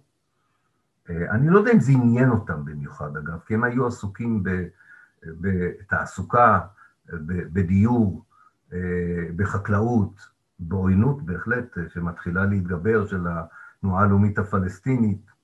יכול להיות שזה לא נראה להם עומד מיד על הפתח, על פתחם. אז לכן קשה קצת לענות על השאלה הזו, אבל היא שאלה חשובה. יהודית שואלת, האם אפשר להגיד שיש קשר בין ההיגיון הפנימי של ההצדקה של האלימות הבלתי נמנעת של הציונות כתנועה קולוניאלית התיישבותית למען משהו גדול וחשוב יותר, לבין המאבק של השנים האחרונות באנטישמיות במדינות שונות בעולם, שחלק עיקרי ממנו מתנהל באופן גזעני ומשתיק כלפי קהילות מוסלמיות, משהו שקשור ליצירת תחרות בין מיעוטים. כן, אני, אני חושב שיש, אני קורא לזה באנגלית The righteous fury. righteous fury בעברית זה, זה הכעס הצדקני, הכעס הצדקני. זאת אומרת, יש קווים דומים ויש קווים לא דומים. מה שדומה, אני חושב, זה קודם כל שלא צריך להסביר. לא צריך להסביר. זאת אומרת, אני לא חייב הסבר אה, אה, אה, מדוע אה, זה אנטישמי לבקר אותי אה, אה, על מעשים לא מוסריים. לאף אחד בעולם אין זכות להגיד שמה שאני עושה זה לא מוסרי. בטח לא להביא אותי לבית משפט. אבל אפילו אה, להגיד, ואנחנו מכירים את זה, לאחרונה הצליחה ישראל לשכנע לא מעט מדינות שלבקר אותה באופן מוסרי שווה להכחשת השואה. אלוהים יודע מה הקשר בין השניים, אבל הם הצליחו ליצור, כמו שאת יודעת, יהודית, לא פחות טוב ממני, את הקשר הזה. וכן, אני, אני חושב שזה נכון מה שאת אומרת לגבי הקהילות המוסלמיות באירופה. כשמונה מיליון מוסלמים יש באירופה, והקואליציה הפרו-ישראלית מרגישה שהם במיוחד, קל מאוד להדביק עליהם את התווית של אנשים שאין להם שום זכות מוסרית לבקר את הנאורות הציונית. ובמיוחד קל לעשות את זה כמובן אחרי הקמתה של המדינה האסלאמית, או עוד לפני זה אל-קאעידה ו-9-11 וכולי, אז אני חושב שיש שם קשר. חוזרים לאייל, האם שאלת מקומם של הערבים לעומת הציונים העברים היהודים בארץ ובעולם התעוררה גם במסגרת הקשרים בין היישוב הציוני לגרמניה הנאצית בשנות ה-30? כן, כן, אני חושב שיש איזשהו קשר, אני לא חושב שהוא קשר כל כך ישיר, אבל משה צוקרמן, לא, לא משה צוקרמן, סליחה, משה צימרמן, כתב בזמנו שבאופן מאוד, כמובן אבסורדי באיזשהו מקום, בין השנים 33 ל-38, מצד אחד יש כביכול איזושהי מודעות למשמעות של עלייתם של הנאצים לשלטון בגרמניה וגורלו של העם היהודי באשר הוא, מצד אחד, ומצד שני, יש שני היבטים קצת מדאיגים ביחס להתפתחויות הפוליטיות בגרמניה בקרב ההנהגה הציונית, כולל אצל בן גוריון. אחד זה הערצה לכוח, לשימוש בכוח באופן שאין לו שום התלבטות מוסרית. ויש, הוא מצא איזו התבטאות מאוד מעניינת של בן גוריון לגבי העניין הזה, בייחוד לניתוח, ניתוחו של, של היטלר, כדאי להסתכל בעבודה של, של צימרמן על הנושא הזה. וגם, אה, כמובן, מאחר ויש את ההגדרה הזו של משהו נאצל, שהוא חשוב יותר מכל דבר אחר. הוא, הוא אה, אה, משאיר בצל כל אפילו עוול אפשרי, ואולי איזשהו נזק אפשרי, שיכול להיות, ש, ש, שיתרחש כתוצאה מהקמתה של מדינה יהודית בארץ, מאחר שזה מעשה נאצל ומוסרי כל כך, אז אה, אם בריטניה, ומתחילה דמוניזציה של בריטניה ב, ב, בשיח הפוליטי הציוני בשנות ה-38, כשוועדת וודהד מחסלת את ועדת פיל, אנחנו קוראים בעיתונות העברית בארץ, אה, אה, כמעט הייתי אומר נאציפיקציה של הבריטים, כן? הם הופכים להיות האויב הנורא. והאויב הנורא הזה, אם יש לו אויב, הוא יכול להיות, הוא יכול להיות ידיד, האויב של האויב. כן, אלה השנים של הקשר בין הלח"י, החיפוש של הקשר של הלח"י עם הנאצים וגם של uh, גופים אחרים, אז, אז יש קשר לעניין הזה. יונתן שואל באנגלית, אקרא את זה באנגלית ואני אתמצת את זה בעברית, To what degree, and if so when, were the British aware of the transfer conference and other explicit expression of transfer strategy by the Zionists? And was there a point senior leaders saw this as an inevitable future strategy beyond guessing as it were. אז uh, קודם כל שואל uh, יונתן, כמה הבריטים היו uh, מודעים לוועידת ציריך, ועד כמה הפלסטינים בעצם היו מודעים לזה, והם הבינו שיש פה לא רק איזה תוכניות היוליות, אבל גם משהו הרבה יותר מסוכן. אז ככה, דווקא אני הדרכתי בהצלחה, לא הצלחה שלי, אבל הדוקטורנט הצליח. דוקטורט שבדיוק בדק את השאלה הזו, הכותרת של הדוקטורט של תלמידי אדם הוגן, היא, בדיוק הוא שאל את השאלה, האם הבריטים היו אה, מודעים לתוכניות הטרנספר הציוניות ב-1917 ל-1948. אה, והוא חרש את הארכיון הציוני, אה, הארכיון הבריטי, ג'ונסן, וגם את העיתונות וגופים אחרים. לא, אין ספק שהם היו לחל... מודעים, לחלוטין מודעים, שזה חלק מהאידיאולוגיה, הם היו בוודאי, אה, אה, ידעו על אה, ועידת ציריך, והוא טוען שלפחות ב-38-39 הם לא חששו כל כך מהצד הזה של הציונות, כי זה עדיין השנים שבהם הם חושבים שפלסטיין תהיה חלק מהאימפריה הבריטית לתקופה מאוד ארוכה, זה לא כל כך משנה מה המתיישבים היהודים רוצים או לא רוצים לעשות. הם לא חשבו שיהיה להם כוח ריבוני ועצמאי לעשות ב-38. הוא, הוא מרגיש הרבה יותר רע לגבי ההתנהגות שלהם ב-47-48, כשהם כבר, הטרנספר הוא לא רעיון, אלא הופך לאופן מעשי. זה התקופה, אגב, זה לגבי החלק השני של השאלה שלך, שלמשל, אה, אה, אה, חלק מהצעירים הפלסטינים העירוניים, המשכילים הפלסטינים העירוניים, שניים, שלושה מהם מתחילים, אה, אה, או גם התחילו קצת קודם, קודם כל ללמוד עברית, אה, לקרוא עברית, לא היה להם שירות ידיעות כמו להגנה, לא היה שי פלסטיני, אבל יש מעקב, בייחוד בעיתון פלסטין ובעיתון אל-כרמל, פלסטין יוצא ביפו, אל-כרמל יוצא בחיפה, יש מעקב אה, אה, יותר אה, סיסטמטי, יותר הדוק, יותר פרשני, אחרי העניין הציוני. זו התקופה שבה תא, יצחק מוסא אל-חוסייני, הסופר אולי הפלסטיני החשוב ביותר, כותב את הספר שלו, זיכרונות התרנגולת, בערבית מוזכרת דז'אז'ה, מטאפורה על המצב שבו דרך משל של יחסים בין בעל לול לבין תרגלות, תרנגולות ותיקות ותרנגולות חדשות, המשל הוא שבעזרת בעל הלול התרנגולות החדשות יגרשו את כל התרנגולות הוותיקות. ואנשים אחרים כותבים לא בצורה מטאפורית. כן, זה היה חלק מהסיבה, אני חושב, למרד הערבי גם, ולעובדה שגם אחרי שוועדת וודהד כביכול נותנת איזשהו פרס להתקוממות הפלסטינית, ואומרת, לא, אל תדאגו, אנחנו לא נעשה את ועדת פיל, אנחנו מביא, ועדת וודהד באמת מבינה את המצוקה הפלסטינית, בכל זאת ב-38' המרד מתחדש. בכל זאת הוא מתחדש, כי, כי מבחינת הפלסטינים אה, אה, אה, זה לא מספיק אה, כדי לה, אה, אה, להבטיח את, אה, אה, את עתידם. אז בהחלט, זה, זה, זה בא לידי ביטוי, אבל תזכור שכבר ב-39' הבריטים מחסלים את המנהיגות האינטלקטואלית, התרבותית, הצבאית, ודי משאירים את החברה מבלי אנשים שיכולים להגן עליה אה, ב-48'. עידית, על מה היה מבוסס הביטחון ביכולתם של היהודים לבצע את הטרנספר? שאלה אה, מצוינת, אה, עידית.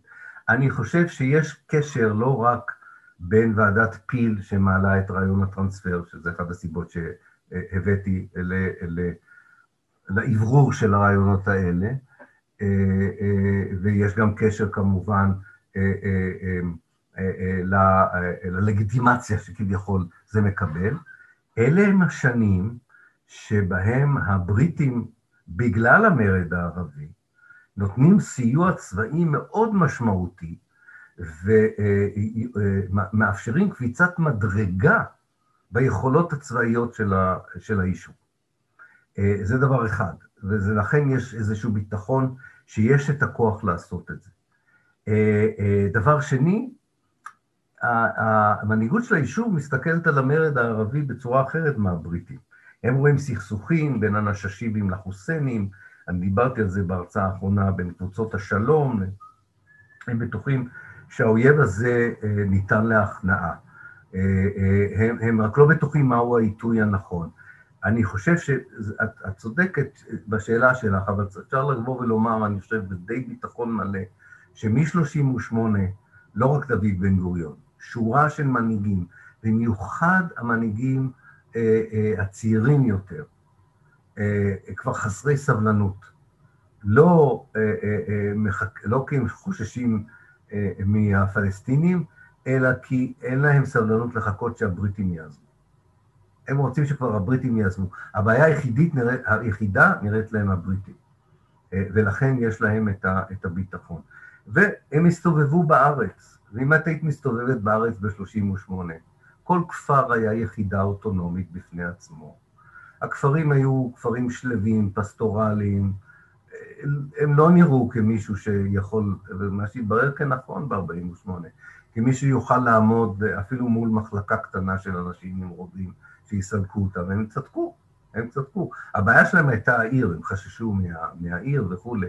אה, אבל הם אה, ביצעו טיהור אתני מאוד ממוקד. לא, לא, לא בכדי הטיהור האתני התחיל באפריל בערים הפלסטיניות, לא בכפר הפלסטיני. הם ידעו מה הם עושים מהבחינה הזאת. אייל, זולת לרצון לנצל את ההזדמנות ולסלק את הילידים, האם היה בסיס לקביעה הפסקנית שציטטת, לפיה לא ניתן היה להקים מדינה יהודית ללא סילוק האוכלוסייה המקומית? הווה אומר, האם הציונית הייתה ניגפת ב-48' לולא ביצע את הטרנספר, או להבדיל, האם הכנות הטרנספר היו הכרחיות איכשהו להשגת החלקת החלוקה ועזיבת הבריטים. כן, ש- שאלה חשובה, אה, לאחרונה זכיתי שרן אה, אדיליס כתב אה, ביקורת במעריב על הטיהור האתני בפלסטין, על הספר, הוא יצא עכשיו בעברית. בסך הכל שיבח את הספר, אבל הוא אמר, אילן אולי לא מבין, שלא, בעצם לא הייתה שום אפשרות אחרת. אה, חוץ מאשר לטהר את פלסטין. אני לא בטוח בכך. קודם כל, לי קשה מאוד כהיסטוריה להגיד מה כן היה אפשר לעשות או לא היה אפשר לעשות, אבל אני, אני בהחלט חושב, אה, אתה יודע מה, אייל, אולי הדרך הטובה ביותר היא אה, להזכיר, ואני מקווה שתקבל את זה כתשובה, להזכיר התכתבות, בדיוק באותם שנים, אגב, ממש באותם שנים, הייתה התכתבות בין מרטין בובר, לבין גנדי, למהטמה גנדי. אה, אתם יכולים למצוא את ההתכתבות הזו באינטרנט. אה, בן גוריון לחץ על בובר, כחלק מהחיפוש לצידוק מוסרי, לגייס את גנדי לתמוך במפעל הציוני. ובובר מנסה לשכנע את גנדי שיתמוך, וגנדי אומר שם בצורה מאוד ברורה, הוא אומר, אם אתם כאורחים במדינה הזו, הייתם באים כאורחים, ורוצים לחיות ליד הפלסטינים, ליד הערבים, הוא אומר, אני לא מומחה גדול לעולם הערבי, אבל יש לי הרגשה שקבלת פנים, אירוח, עזרה סוציאלית לעניים, הם בהחלט חלק אה, מהמאפיינים של החברה הזו, והם היו מקבלים אתכם כשכנים. אבל אני, כל מה שאני קורא עליכם, אתם לא רוצים לחיות לידם, אתם רוצים לחיות במקומם. ולכן לעולם לא תקבלו את התמיכה שלי. זו הסיבה שעד היום אין אפילו גרם מדרגות, לט אלון רחוב על שמו של גנדי בישראל. על גנדי ההוא יש, על שם גנדי השני יש הרבה, הרבה דברים, אבל הגנדי ההוא אין. אה, אני חושב שהיה אפשר לנסות לפחות, כקהילה מתיישבת, להבין שאתה בא לארץ ילידית, ולברר עד כמה, במיוחד כל עוד היית תחת סכנה קיומית באירופה, עד 45, עד כמה אתה יכול אה, לבנות חיים אוטונומיים, אולי תרבותיים, אה, אה, אה, ולהתקיים, כי באמת אירופה הייתה אה, מסוכנת. לפי ההבנה שלי, היו מספיק פלסטינים שהיו מוכנים לקבל את זה. אני חושב שהפלסטינים התחילו בהתנגדות האלימה הרחבה ליישוב היהודי, כשהם הבינו שהיהודים לא באו לגור לידם, אלא באו לגור במקומם. אה, איתמר, האם הימין באותה תקופה הביע גם עמדות בנושא של סילוק התושבים? זה מאוד מאוד מעניין, אה, איתמר, מה שאתה מעלה פה. מאחר והחלוקה הייתה לצנינים בעיניו של ז'בוטינסקי ותומכיו, הם לא יכלו לפתח את התפיסה הציונית של השמאל, שאומר, טוב, ניקח איזה חלק שייתנו לנו ומהחלק הזה נסלק. אנחנו רוצים את הכל, כולל את עבר הירדן.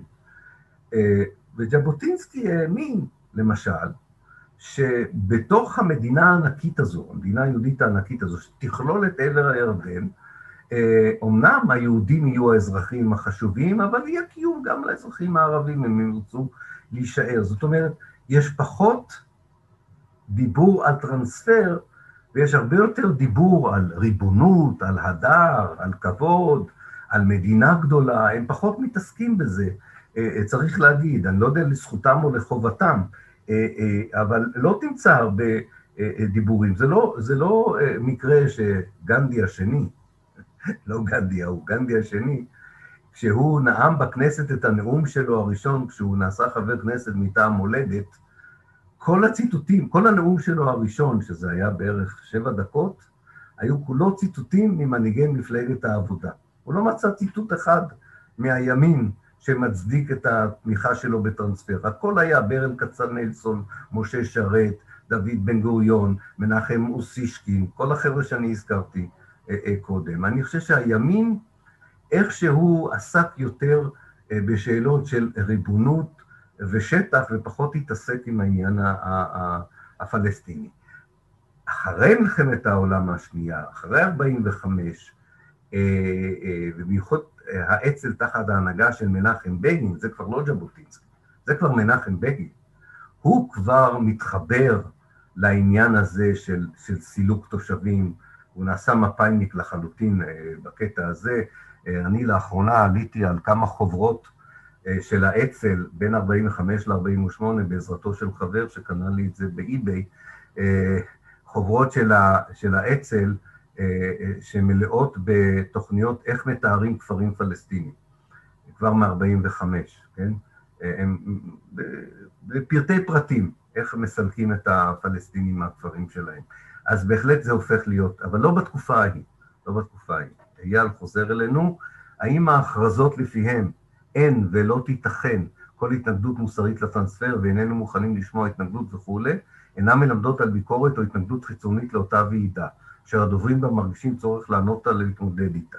בין השאר, כן, יש אנשים שטענו שזה לא מוסרי, אם כי אני עדיין, מהפרוטוקול המלא שראיתי של הוועידה, אני חושב שהוויכוח לא היה על המוסריות, אלא היה על איך, האם זה ייראה מוסרי בעיני אחרים, שזה לא אותו דבר. זה לא אותו דבר. זאת אומרת, אני לא ראיתי שם מישהו שאומר, זה מוסרי. הביקורת הכי חריפה, אם אתה זוכר, אחד הדוברים גם מתייחס אליה, אה, זה היה שזה תהיה פרובוקציה פוליטית. כן? פרובוקציה פוליטית. זאת אומרת, אנחנו סתם מושכים אש אלינו. למה לדבר על זה? לא צריך לדבר על זה. אה, אני מאמין שהיו כאלה ש, ש, שהתנגדו לזה. אני, אני מאמין. אה, אני גם חושב, כתבתי את זה בספר שלי, התיאור האתני, שבן גוריון לא היה בטוח אם כל המנהיגות הציונית תסכים לתוכנית על לטיהור אתני מלא, ולכן הוא יצר איזו קבוצה חשאית שיחד איתו תכננה את הטיהור האתני ולא שיתף את המוסדות הרשמיים של היישוב בתכנון הזה. זאת אומרת, כן, אני, אני גם לא רוצה לעשות דמוניזציה של אנשים, אני, אני מניח שכן, שהיו חלק. אה, אה, אבל אני שוב חוזר לאורי מילשטיין, אני חושב שהוא צודק. הוא טוען שכל מי שאפילו היה לו את הפוטנציאל להתנגד לציונות הכוחנית, מתוך נימוקים מוסריים, מיישר את הדרך, מיישר את הקו אחרי הוועידה הזו. אם לא בתוך הוועידה, אז אחרי הוועידה. אגב, זה כולל הרבה, סיפור נורא עצוב. אני אתן לכם דוגמה אחת, אני אתן לכם דוגמה לכולכם. זה טבריה. טבריה זה דוגמה מדהימה. אני לא יודע אם אתם מכירים את ההיסטוריה של היישוב היהודי בטבריה. אם הקול שלי לא, היה, לא ילך לאיבוד, אז יכול להיות שאפילו תכירו את ההיסטוריה היהודית של טבריה. טבריה לא היו בה הרבה יהודים עד 1770 אה, בערך. היו בה יהודים קודם, אבל הייתה תקופה של התייבשות. ואז מי שהיה, מישהו כבר יש לו M.A. בהרצאות שלי, שמע את ההרצאה על דאר אל-עומר. אתם זוכרים את דאר אל-עומר, מלך הגליל האוטונומי. דאר אל-עומר, אה, אה, יש לו יחס מאוד מעניין גם כלפי יהודים וגם כלפי נוצרים, והוא שליט הארץ בעצם, פחות או יותר ברבע האחרון של המאה ה-19, ה-18, סליחה, המאה ה-18. והוא משכנע את הנוצרים להתיישב בנצרת, הוא חושב שזה נכון שנוצרים יתיישבו בנצרת, הוא חושב שיש מעט מדי נוצרים בנצרת, והוא חושב שזה נכון, הוא קורא על היהודים בטבריה וזה, והוא, והוא אומר, והיהודים צריכים להתיישב בטבריה, אבל אין הרבה יהודים בארץ. אז הוא כותב למשפחת אבולעפיה, שחיה באזמיר, שאבולעפיה היה הרב הראשי של אזמיר, הוא אומר, למה לא תבואו ותתיישבו? אני, אני, אני, דאר אלעומר, אבנה לכם, הוא מתמצא ביהדות, אני אבנה לכם בתי תפילה, בית מרחץ, מרכז קהילתי, בתים לגור, בית חולים, בתי ספר. הוא בונה, הוא בונה עיר יהודית בטבריה לכ-40 משפחות יהודיות שמגיעות, והם הגרעין של יהדות אה, טבריה, שחיה במערכת יחסים מצוינת עם המשפחות הפלסטיניות המובילות אה, בעיר. מ-אלף, ולכן גם ב-29 כמעט לא קורה כלום בטבריה. ב-29, גם אפילו לא ב-36. מ-39, היישוב הזה, שהיה לו יחסים מצוינים עם הערבים, מתחיל להיות ציוני. והם יעמדו בצד כאשר השכנים הטובים שלהם שהביאו אותם, יסולקו בכוח על ידי התל אביבים של ההגנה והקיבוצניקים אה, אה, אה, ליד. זה מה שקורה, כולם מיישרים קו עם העניין הזה. אני חוזר ליונתן אופיר באנגלית. P.S. בני מוריס, in the best of the Palestinian refugee problem, revisited, הוא כותב, transfer was inevitable and inbuilt in Zionism, because it sought to transform a land which was Arab into a Jewish state, and a Jewish state could not have arisen without a major displacement of Arab population.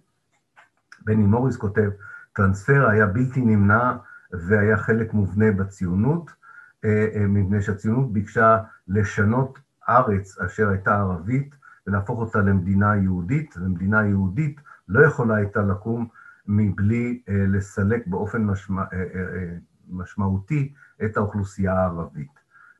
מה שקרה לבני מוריס, שפעם הוא חשב שזה לא כל כך יפה, ואחר כך הוא חשב שזה היה הדבר הנכון לעשות את זה. יהודית, זה נשמע שהיגיון ההצדקה לא רק בהנהגה, אלא ממש חלק משפת היום-יום של החברה היהודית הציונית, סוג שאין מה לעשות, זה נכון, כלומר זה היה חלק משיח ציבורי חשוף, יומיומי, כן, מה התפקיד של צבא העם וכל זאת. אז, אז אני אומר שוב מה שאמרתי גם לאייל, אמ, אני לא חושב שזה היה חלק מהשיח היומיומי של כולם, המנהיגות, ברגע שהמנהיגות הפכה את זה לסעיף מרכזי בסדר היום, אז אנשים דיברו על זה. אבל המנהיגות השתדלה שזה לא יהיה סעיף מרכזי בסדר היום. לפני 36 ובין 38 ל-48. כך שרק בשנים האלה זה, כך שאני חושב שרוב היישוב, אני זוכר שפעם שאלתי את אבא שלי אם הוא היה ער לעניין הזה, או שלא. אה, אבל, אבל, אה, כל מי שעבר חברות מ-45 עד 48, דרך הפלמ"ח, דרך ההגנה, דרך אה, יחידות, פלוגות השדה, דרך האצ"ל, דרך הלח"י, נחשף לזה שעה-שעה, לא יום-יום. וכן, במובן הזה, אם, אם לזה את מתכוונת בצבא העם, זה צבא שכבר היה מוכן לכך שבכלל אין בעיה מוסרית לסלק. אולי יש בעיה מוסרית להרוג, אולי יש בעיה מוסרית לאנוס, אולי יש מוסר, בעיה מוסרית לעשות מעשי טבח, אבל אה, סילוק אה, אה, לא, לא דורש דיון מוסרי, ואנחנו רואים את זה ב-48, אנחנו נדבר על זה. זה בכלל לא עמד לדיון בקטע הזה. אפילו נתיבה בן יהודה, שמזדעזעת מהטבח שהיא ראתה בעין עין זיתון לא מזדעזעת מזה שסילקו את הכפר והרסו אותו. זה נראה לנתיבה בן יהודה סביר לחלוטין, אבל לא צריך אה, לטבוח באנשים כדי אה, אה, לסלק אותם. נועה, מדוע אתה חושב שאותה הנהגה בקונגרס ב-38 הייתה עסוקה כל כך בניסיון למצוא על הטרנספר הצדקה מוסרית? למה הם היו צריכים הצדקה מוסרית? את יודעת, זה, זה כמו השאלה שאני שואל את עצמי, למה הדיקטטורים צריכים משאל עם שהם בעצמם מסדרים שייתן להם 99 אחוז אה, אה, אה, תומכים. מה הם צריכים משאל עם? הם דיקטטורים. מה אכפת להם אם 99 אחוז תומכים בהם או לא? ועוד שהם יודעים שהם המציאו את ה-99 אחוז האלה, ובכל זאת הם עושים את זה. אני חושב ש, שבני אדם זה דבר מורכב, גם כשהם מנהיגים פוליטיים, ואני חושב שזה חושף ידיעה מאוד עמוקה ובעייתית שהמפעל הציוני, הוא לא רק מפעל של הצלת יהודים, אלא מפעל של הרס ערבים. וחייבים אה, אה, לדכא כל מחשבה אה, לא רצויה בעניין הזה. אני, אני חושב שזה היה להם מאוד מאוד חשוב, העניין הזה. צריך לזכור איך הציונות צמחה, היא צומחת מתוך קורבנות. הציונים, היהודים הם קורבנות של רדיפה גזענית. דתית ואידיאולוגית ופוליטית.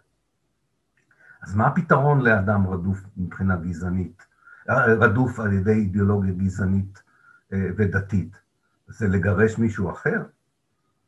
זו בעיה. אני, אני, אני, אני באמת חושב שהם אה, אה, אה, אה, הבינו באיזשהו מקום, אני לא יודע איפה הוא בדיוק נמצא המקום הזה אצלם, אבל הם הבינו שיש פה, פה בעיה. אה, אה, אה, באמת לא כלפי העולם, אני חושב, אולי קודם כל כלפי עצמם, אבל הם לא ראו שום דרך לצאת מזה. מה עוד שאני חושב שכשהם ב-38, קשה להם כבר לתאר את הערבים כמו שהם תראו אותם ב-1908. זאת אומרת, אלה הם בדואים שגרים באוהלים, רוכבים על גמלים ולא יודעים לדבר ופרימיטיביים. הם פתאום, הם רואים שם את המפעל התרבותי הפלסטיני שדיברנו עליו. הם, הם פתאום מבינים שיש שם חברה אמיתית, תוססת ואורגנית. לא איזה שבטים ערבים שאפשר לעשות פו והם יעברו לצד השני של הגבול. אז איך אתה הורס תרבות אחרת? זאת אומרת, אני חושב שזה באיזשהו מקום ניסיון למנוע פתיחה של תיבת פנדורה, שאם היא תיפתח יכולה להרוס את המפעל כולו. האמת, בחלק מהציטוטים שהבאתי לכם הם אומרים את זה אפילו. הם אפילו אומרים את זה. אם אנחנו ניכנס לדיון הזה, אז כל מה שעשינו עד עכשיו לא היה נכון. ואם ניכנס לדיון הזה, אז לא יהיה לנו מדינה, בסופו של דבר. הם, הם פתרו לעצמם את הבעיה הזאת.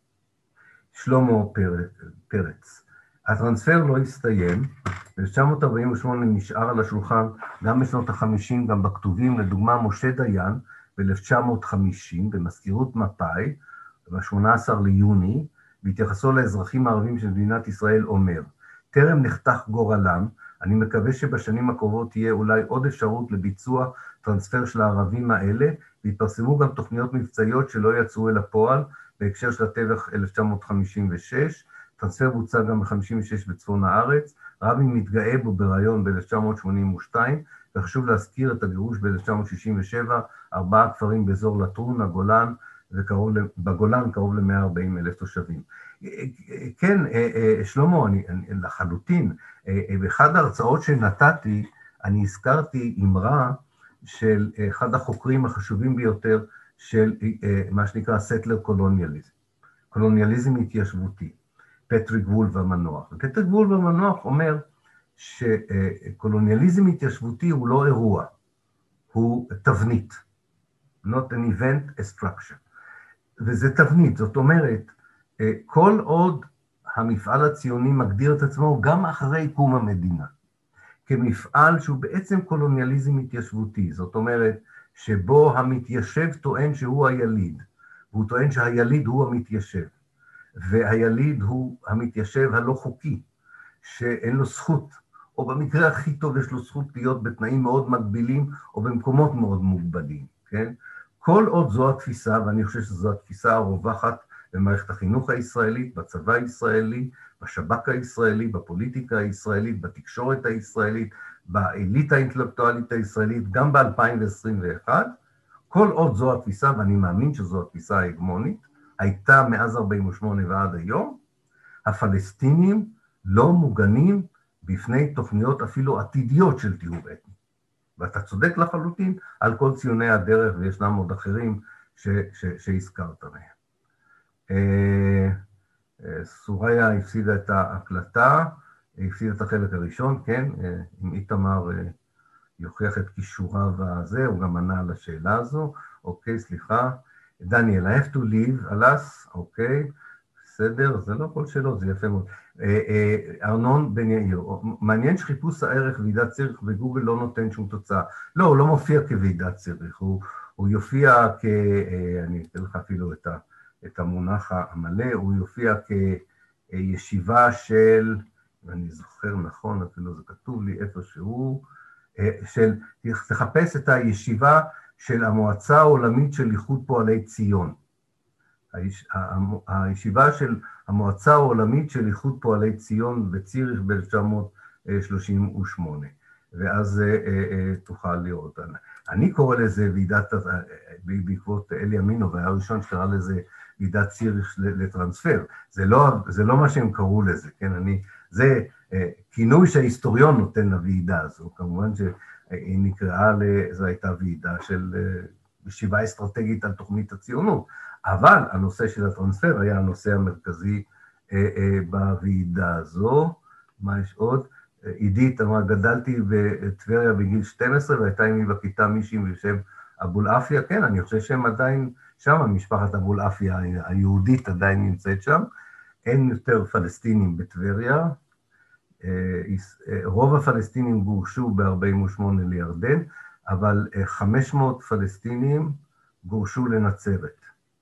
ומי שמכיר את מבנה המשפחות הנצרתי, הטבריאני, ימצא את שמות המשפחה האלה בנצרת, כמו טברי. כמובן, טברי זה השם הבולט ביותר, טברי בנצרת. יש כל משפחת טברי בנצרת היא משפחה שסולקה בכוח אה, אה, אה, מטבריה. איתמר רוצה משהו חיובי אה, לסיום, איך ייראה אה, כיוון לתיקון החינוך של החברה היהודית היום. אה, אה, אה, בסדר, זו השאלה האחרונה באמת, אז יופי. תן לי שנייה אה, לקחת שלוק ולחשוב. תראה, אני חושב שיש שלושה שלבים בהתייחסות ל- לעניין הזה. זה, זה לא תוכנית, אין לי תוכנית מלאה לתיקון החינוך של החברה היהודית, בטח לא בעשר בלילה. אמ, אבל אני חושב ש... אני תמיד אה, מתחיל בעניין של אה, אה, העובדות הבסיסיות שעליהן אי אפשר להתווכח, לפני העובדות שאפשר להתווכח עליהן. זאת אומרת, איך אני יוצר משהו שאני קורא לו חמלה, compassion באנגלית. קודם כל compassion בסיסי. לגבי, מצד אחד, והזדעזעות מוסרית מצד שני, קודם כל מהרעיון שמותר לי לסלק אלפי אנשים, מאות אלפי אנשים, מהבתים שלהם, שיש איזושהי הצדקה שאני אסלק אלפי אנשים שכל פשעם הוא הזהות שלהם, קודם כל איזה, איזושהי הזדעזעות מוסרית בסיסית, לפני שאני אומר שזה פלסטינים, לפני שאני אומר שזה יהודים, לפני ש... אני לא בטוח שאני יכול בקהל ישראלי אפילו להגיע לשם, אבל זה מה שהייתי מתחיל איתו. קודם כל, ברמה הכי בסיסית. אה, ואחר כך, כאשר אני כבר מתאר את הגירוש עצמו, לא כרעיון, אלא כמעשה, איזושהי אה, חמלה בסיסית כלפי מה שקרה, מבלי קודם כל להגיד, אה, ah, הם אשמים, או במקום אחר זה קרה יותר גרוע, אה, וכולי. זאת אומרת, משהו יותר מזוכח מבחינה אנושית, שלדעתי תנועות קולוניאליות התיישבותיות לא מאפשרות לעצמם מחשש שזה יפגע בפרויקט שלהם. אה, זה, זה חזרה ל, ל, ל...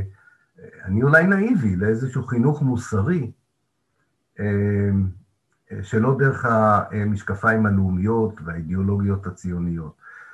אה, לא יודע אם אפשר לעשות את זה, אבל לדעתי זה תיקון, זה התיקון שהייתי רוצה לראות. אני גם לא רוצה להישמע לגמרי נאיבי, שזה מה שישנה את המציאות, זה יגמור את הכיבוש וכולי וכולי, לא. לא, אבל אני חושב שיש לזה חשיבות אדירה. עכשיו, הסיבה העיקרית, לא היחידה, אבל הסיבה, ובזה אני אסיים באמת, הסיבה העיקרית שאני אומר את זה, כי אני ראיתי את זה קורה לציבור, לדור היהודי הצעיר בארצות הברית. הוא לא דומה לדור היהודי הצעיר בארץ, אני יודע, זה, זה לא אותן נסיבות, אבל בכל זאת, זו קבוצה שעברה אינדוקטרינציה לא כל כך שונה מהאינדוקטרינציה הישראלית, והיא גדלה בסביבה שכל, שכל המעשים האלה הם מוסריים וכולי. שם היה, אני ראיתי את הטרנספורמציה הזו קורית בדור הצעיר היהודי-אמריקאי, כתוצאה מחשיפה לעובדות, למציאות, ובכל זאת איזושהי אה, רפלקציה עצמית שאנחנו כן יודעים מה מוסרי ומה לא מוסרי. אנחנו כן רואים את עצמנו חלק מחברה אתית אה, ומוסרית. אני מדבר דווקא על החברה היהודית שכן הזדעזעה מהיחס לשחורים בארצות הברית, הזדעזעה מיחס למיעוטים אחרים. זו, זו חברה באמת שמגיע לה ציון לשבח, איפה, במקום שהיא עמדה בו בשנות ה-60, כאשר שאר החברה הלבנה אה, לא היה לה שום בעיה עם, עם האפרטהייד בדרום ארצות הברית. הדור, הדור הראשון של החברה הזו אמר, אין שום מסקנה שאפשר להסיק ממה שעשו לשחורים בארצות הברית למה שהיהודים עושים לפלסטינים. הם ממש אטמו את עצמם מכל דיון שבעצם היה צריך להוביל אותם לעמדה מאוד חזקה אנטי-ציונית בעצם. אבל הדור השני שלהם כן עבר את זה. והוא עבר את זה דרך משקפיים אוניברסליות, קודם כל. לא יהודיות, לא נוצריות, אלא דרך משקפיים אוניברסליות של, של איזושהי תפיסה בסיסית של מוסר, אה, אה, אה, אה, מתוך משפחה שמתגאה בחלק שלה במאבק על זכויות אזרח ואדם בארצות הברית. והם לא הבינו למה הגאווה הזו לא מביאה אה, אה, לאיזשהן מסקנות לגבי, ה, אה, לגבי הפלסטינים. אגב, אני אופטימי, אני לך, בקשר הזה, אני לא אופטימי להרבה דברים אחרים. אבל אני רואה גם בדור של הנוצרים הציונים בארצות הברית, יש להם בעיה עצומה לקריסטיאן זיוניסט, שהם עם הדור הצעיר שלהם. אני, אני יודע את זה באופן אישי, אני מדבר איתם. יש להם בעיה עם הדור הצעיר שלהם, גם הדור הצעיר שלהם, שאני לא אוהב את הרעיונות הבסיסיים שלו, יש לו בעיה עם התמיכה הזו. אה, אה, הם לא חיים בוואקום יותר. קשה מאוד לחיות בוואקום בארצות הברית. וזה לכן, אני חושב שזה תיקון מאוד מאוד אה, אה, חשוב. האם מישהו יסכים אה, למסד את התיקון הזה? בואו נשאף תקווה מהתקופה שלמשל שולמית אלוני הייתה שרת החינוך. הייתם מאמינים? אני, היא שמה אותי כיושב ראש של ועדה לכתוב מחדש חלק מספרי ההיסטוריה. אז יש למה לצפות. אמ, אה, הייתי לפחות 16 שעות בתפקיד. כן, עד שפיטרו אותי. אז, אז יש על מה לדבר, יש על מה לדבר, אני חושב, יש על מה להיות עובד. וזהו, חברים. לילה טוב לכולם, ורק בריאות. ובוקר טוב לחלק מכם. אוקיי, להתראות, bye. Bye bye, לילה טוב.